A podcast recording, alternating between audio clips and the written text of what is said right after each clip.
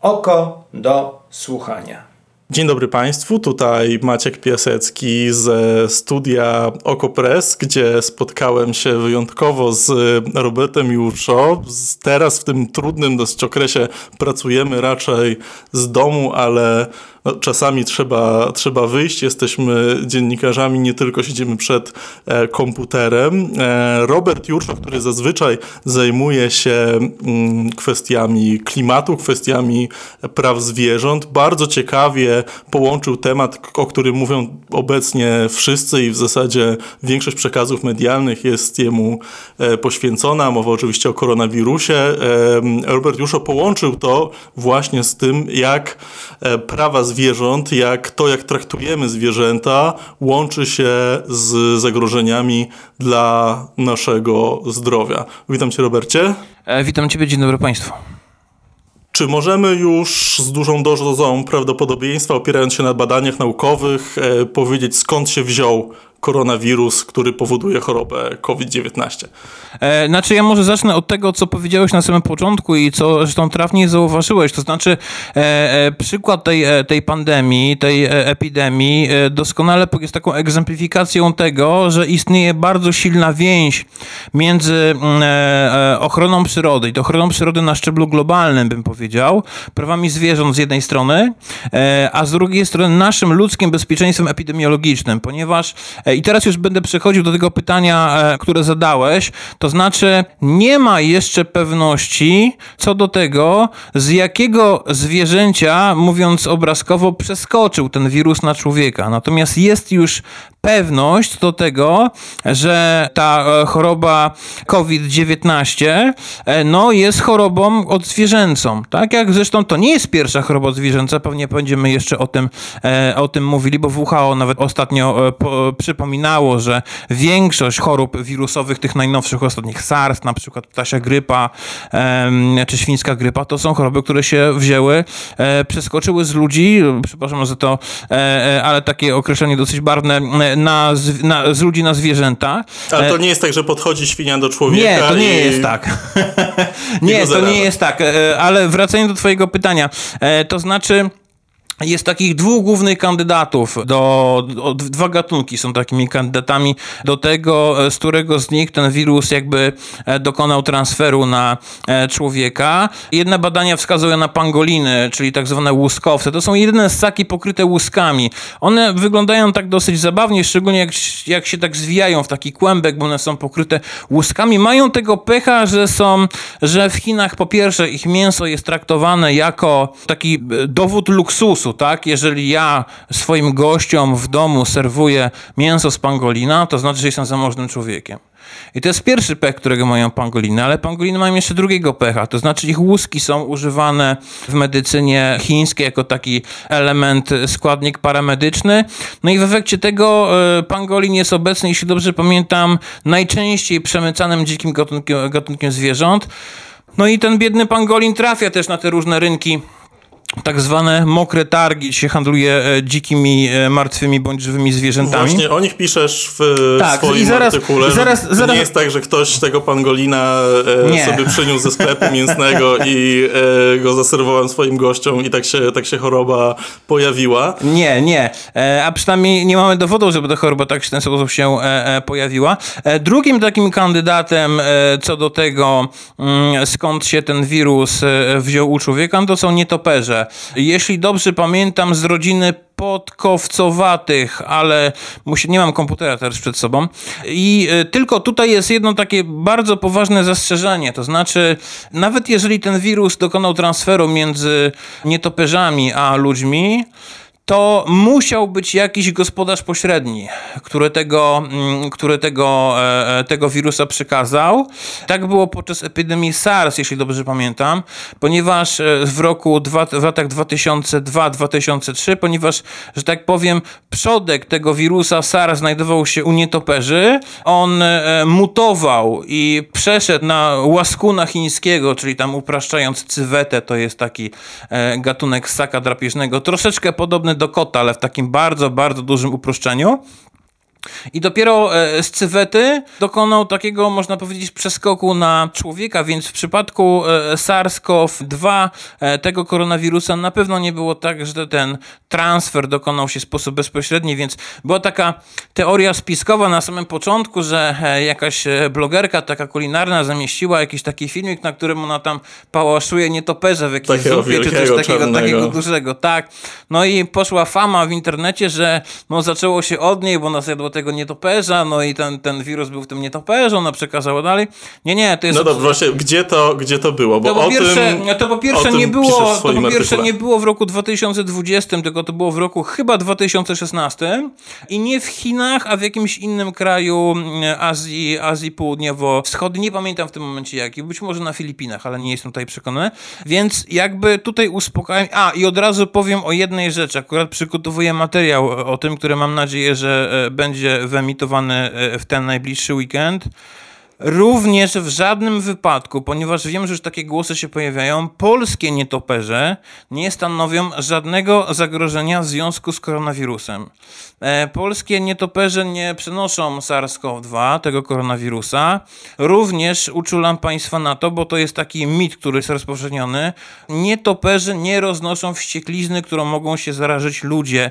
Jest to kolejny mit, który jest, e, też tak powiem, e, sobie żyje. W ubiegłym roku, w roku 2019, ten mit kosztował życie przypuszczalnie około 2-3 tysięcy nietoperzy w samym województwie wielkopolskim, ponieważ poszła fama w Wielkopolsce, że, że jest epidemia wścieklizny wśród nietoperzy, no i one mogą przekazać ludziom.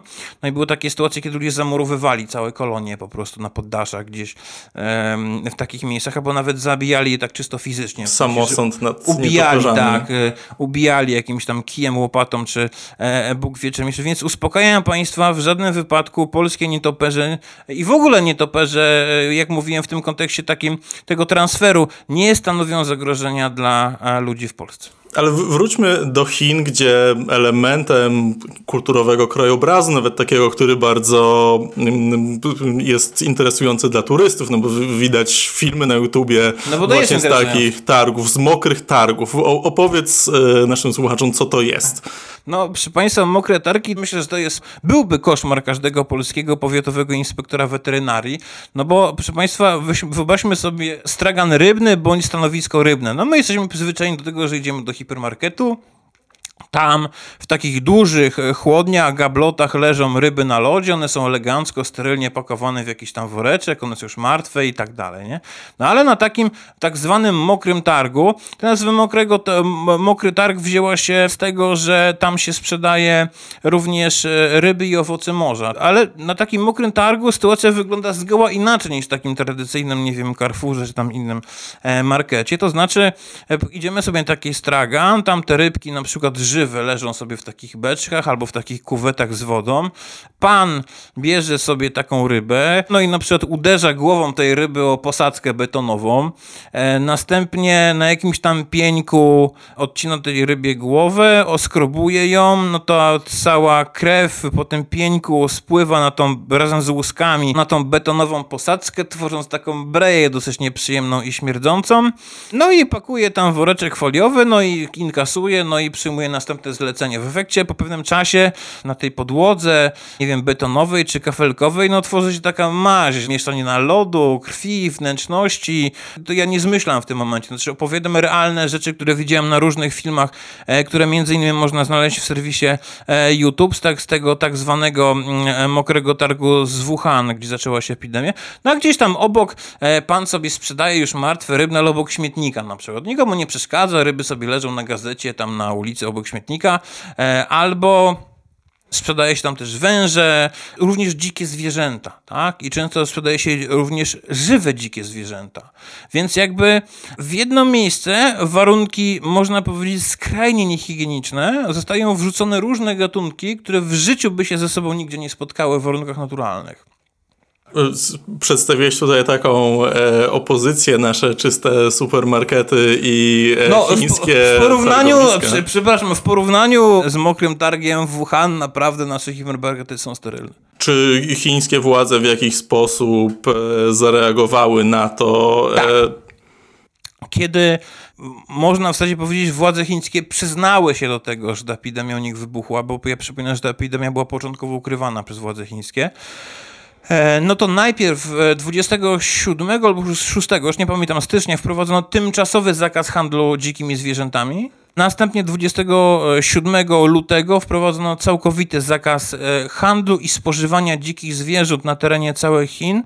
Te przepisy są dosyć tam niekompletne, bo one nie zawierają e, do, do, dokładne listy gatunków, które powinny być e, jakby ujęte. No i one też wykluczają, że tak powiem, organizmy wodne, które można spożywać. Natomiast targ Wuhan został zamknięty, no i generalnie Władze chińskie mają plan, ambicje, żeby w ogóle zamknąć wszystkie e, mokre targi w Chinach. Przy czym tutaj może poczynię takie zastrzeżenie, e, które jest bardzo istotne. Tego rodzaju targowiska dzikich zwierząt, znaczy i bo to są targowiska, gdzie możemy kupić dzikie zwierzęta udomowione. Tutaj tu są kury, tu są węże, tu są ropuchy, tutaj są psy, bo przecież w Chinach również spożywa się, mm, spożywa się psy. Podobnego rodzaju targowiska są, mm, można powiedzieć, na całym globalnym południu. Tak? One są i w Ameryce Południowej, one są w Afryce, więc jakby e, nie jest to tylko specjalność, że tak powiem, chińska i one w ogóle są bardzo rozpowszechnione w Azji Południowo, mm, Południowo-Wschodniej. Właśnie przypomniały mi się zdjęcia, które oglądałem ze stanu wojennego, kiedy ludzie handlują króliczymi tuszkami czy, czy kurzymi z e, bagażnika samochodu, więc... To mniej więcej jest, to jest mniej więcej podobny, e, to jest mniej więcej podobny klimat. I o ile mi wiadomo, w Polsce również były mm, e, tego rodzaju miejsca, jeszcze nawet całkiem, całkiem niedawno, natomiast one jakby nie były tak duże, nie było tam tak dużej różnorodności gatunkowej, jeśli już sprzedawano, to raczej zwierzęta, zwierzęta domowe.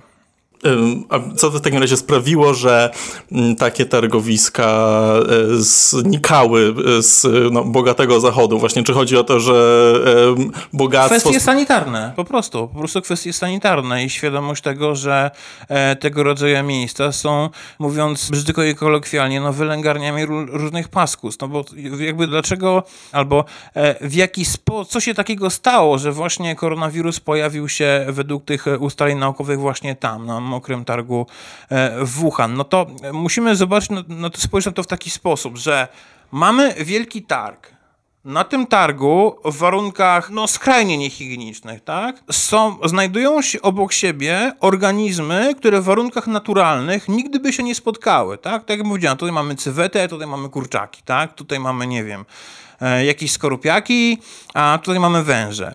I nagle jakby z, z, różnymi tymi gatunkami są związane jakieś tam patogeny, również koronawirusy. No i nagle pojawia się okazja, że te, te patogeny, te wirusy sobie przy okazji mutują cały czas. No i nagle one mają okazję przenieść się na nowych gospodarzy. I coś takiego się wydarzyło tam, w jakiś sposób taki zmutował koronawirus, że umożliwiony został transfer między e, nosicielem zwierzęcym, nie wiemy jeszcze dokładnie jaki to był nosiciel zwierzęcy, a człowiekiem. I te warunki, które właśnie tam zaistniały, umożliwiły po prostu transfer wirusa. I stąd właśnie Chiny chcą pozamykać tego rodzaju targi u siebie. No, ale w krajach mniej majętnych wyobrażam sobie, że nie ma takiej infrastruktury jak e, choćby w Polsce, która jest częścią bogatego Zachodu, częścią Unii Europejskiej. W jaki sposób sugerowałbyś, żeby rozwiązać ten problem, że jednak ludzie chcą kupić coś e, do jedzenia? Jeżeli nie targowisko, czy może jakieś inne, czy może jakiś sposób ucywilizowania tego, tego targowiska i czy uważasz, że środowisko międzynarodowe, właśnie kraje bogatej północy mogą e, tutaj w jakiś sposób wpływać? E, nie chciałbym używać słowa, że te targowiska są niecywilizowane, jakby właśnie te targowiska są e, elementem cywilizacji azjatyckiej, no i takim elementem, który jest kłopotliwy, jak się okazuje kłopotliwy nie tylko dla samych, dla samych Azjatów, ale kłopotliwym globalnie, no bo my już nie żyjemy sobie w świecie, w którym przemieszcza się między poszczególnymi miejscami na świecie konno albo, nie wiem, wozem, tylko można e, pojechać do Chin, pójść sobie na targ w Wuhan, tam załapać koronawirusa, parę godzin później wsiąść samolot, przylecieć do Europy i sprzedać tego wirusa rodzinie. Nie? Więc jakby to jest taka sytuacja. Jeśli pytasz mnie o radę, no to ja nie potrafię odpowiedzieć na twoje, mm, e, na twoje pytanie. Na pewno nie będzie to łatwe z, z wielu względów i to podkreślali bardzo różni eksperci, e, również ci eksperci, z którymi ja rozmawiałem, no bo jakby e, te targowiska są elementem takiego pejzażu kulturowego po prostu Chin, czy w ogóle Azji Południowo, mm, Południowo-Wschodniej. Tam jest mięso na przykład wspomnianych pangolinów, które jest pożądane względów prestiżowych. Tam można kupić produkty, które mają, które mają zastosowanie w chińskiej medycynie, więc jakby będzie to zapewne e, z punktu widzenia mm, chińskich władz, żeby to było skuteczne, na pewno przypuszczam, że Chiny nie tylko będą musiały wprowadzać jakąś politykę sankcji, ale również jakiegoś uświadamiania społeczeństwa co do tego, jakie konsekwencje mogą mieć tego rodzaju miejsca po prostu. Myślę tutaj o, o, takiej belce w oku, którą ma y, tutaj kultura zachodnia, czyli o y, masowym, przemysłowym chowie zwierząt. Czy w ogóle y, spożywanie zwierząt jest dzisiaj dużym, czy może wręcz największym zagrożeniem epidemiologicznym dla świata. E, wrócę do tego, co powiedziało, e, co powiedziała na początku, czyli do tego, do tego komunikatu e, Światowej Organizacji Zdrowia, WHO, która powiedziała, no jakby, a w zasadzie to przypomniała, że wszystkie te takie nowe i bardziej znane wirusy, które doskwierały ludzkości i w mniejszym lub większym stopniu ją pacyfikowały, no nie wiem, takie jak koronawirus, takie jak ptasia grypa, tak jak świńska grypa, takie jak SARS i tak dalej, no to są wirusy, które przeszły ze zwierząt na ludzi i wszelkie miejsca, w których istnieje duża koncentracja zwierząt, oczywiście sprzyjają e, produkcji tego rodzaju, produkcji w cudzysłowie, tego rodzaju patogenów. To, o czym wspomniałeś, jest absolutnie zasada. Naukowcy od lat zwracają uwagę na to, że również przemysłowy chów zwierząt, ten z jakim mamy do czynienia w krajach zachodnich, e, który niestety cały czas funkcjonuje, on również może być źródłem, e, on również może być źródłem wyjątkowo zjadliwych, zjadliwych chorób. No, ja tutaj podam taki przykład. O tym się nie mówi albo o tym się zapomina, ale ten ASF, ASF, który dziesiątkuje w Polsce e, dziki i zabija w Polsce również świnie, pierwotnie był chorobą, która się wyłoniła z hodowli świń. On wtórnie przedostał się do środowiska przyrodniczego e, i zaczął zabijać również dzikie świniowate, ale ASF wziął się właśnie z hodowli. Więc to też pokazuje, że ta paskudna, zadliwa choroba, z którą e, Polska nie może sobie poradzić, a której Europa Zachodnia panicznie i przeraźliwie się boi, no to jest choroba, która się rodziła, zrodziła właśnie w hodowlach. Chyba nie pozostaje mi nic, jak delikatnie poprosić naszych słuchaczy, że jeżeli będą robić kolejne zapasy na czas e, pozostawania w domu, żeby e, może wybrali więcej produktów roślinnych. No takie są, e, takie są rekomendacje Polskiej Akademii Nauk, żeby na czas koronawirusa właśnie skupić się raczej na posiłkach roślinnych, a nie zwierzęcych. No i ja myślę, że to warto powiedzieć i to trzeba też powiedzieć, no nie byłoby tych epidemii, gdybyśmy byli wegetarianami, tak? Mówiąc nieco, nieco upraszczając, no bo jakby te choroby biorą się z tego, co my robimy zwierzętom, tak? No, e, Peter Singer e, w Syndicate opublikował taki, e, taki artykuł, chyba krytyka politycznego tłumaczyła w Polsce, że właśnie koronawirus to jest efekt cierpienia, które zdajemy zwierzętom i to w znacznym stopniu jest to po prostu prawda. No. Nie żadne tam tajne laboratoria w Wuhan, bronie biologiczne Billa Gatesa i inne teorie spiskowe, ale właśnie sposób, w jaki obchodzimy się ze zwierzętami, szczególnie wtedy, kiedy je ścieśniamy, trzymamy w warunkach skrajnego braku zachowania jakichś, jakichś warunków higienicznych, no i, że tak powiem, w takich warunkach, których, o których w ogóle nie można mówić o dobrostanie tych zwierząt. No jeżeli ktoś widział zdjęcia starego Wuhan, widział, nie wiem, zamknięte cywety w klatkach, albo stłoczone ropuchy w jakichś workach siatkowych, e, albo, nie wiem, psy na przykład zamknięte po ileś tam osobników e, w jednej klatce, no to, to, to nie ma nic wspólnego z dobrostanem. Dziękuję Ci bardzo, Robercie.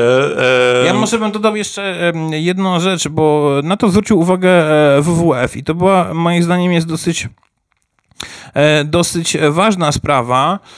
To znaczy, my również w jakiś sposób możemy się przyczynić do tego, żeby tego rodzaju, my jako taki jednostkowy Jan Kowalski, możemy się przyczynić również do tego, żeby w jakiś sposób zmniejszyć prawdopodobieństwo w przyszłości pojawienia się tego rodzaju chorób. Na przykład, jeżeli. Zamiast pomstować, jacy to źli Chińczycy. Tak, zamiast pomstować, jacy są źli e, Chińczycy, no to możemy, jak sobie pojedziemy gdzieś do Azji Południowo-Wschodniej, to możemy na przykład, e, bo mamy taki kaprys, nie jeść na przykład potrawy, o której wiemy, że jest tam mięso dzikiego zwierzęcia. Bo nie wiemy skąd pochodzi to mięso, jak ono tam się znalazło, a też nie wiemy w jaki, jak e, to, z jakiego zwierzęcia zostało to mięso wzięte, w jakich warunkach żyło to zwierzę i jak znalazło się u masarnika, zanim trafiło na, mm, na ten stół. E, możemy na przykład e, nie korzystać z rozrywek, w których są wykorzystywane dzikie, dzikie zwierzęta, więc jakby e, my również, e, no dzisiaj ta choroba jest globalna, tak można powiedzieć, w, tym sensie walka z nią również ma już charakter globalny,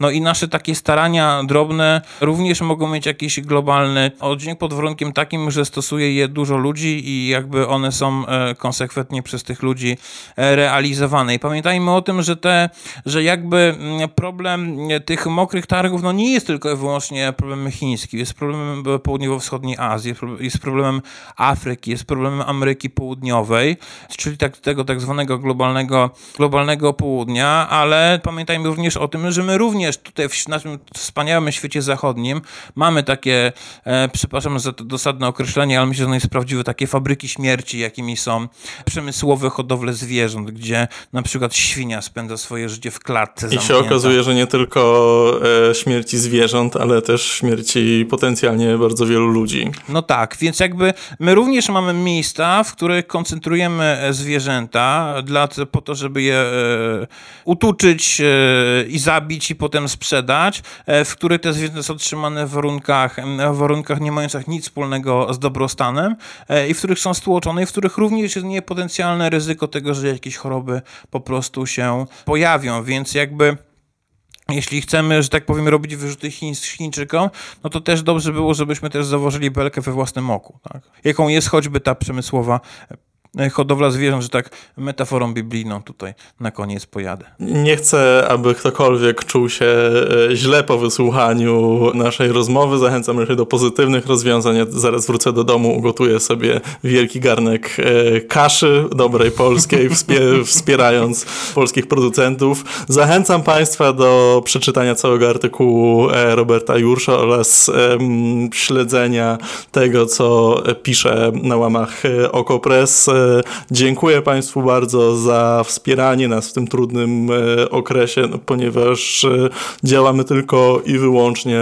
dzięki Państwa e, wpłatom. Nie wspiera nas niestety polskie państwo tutaj. Dziękuję Ci jeszcze raz, Robercie. Dziękuję Państwu, dziękuję Państwu również za wpłaty oczywiście. Dziękuję Tobie, Maczku. I do usłyszenia. Do usłyszenia.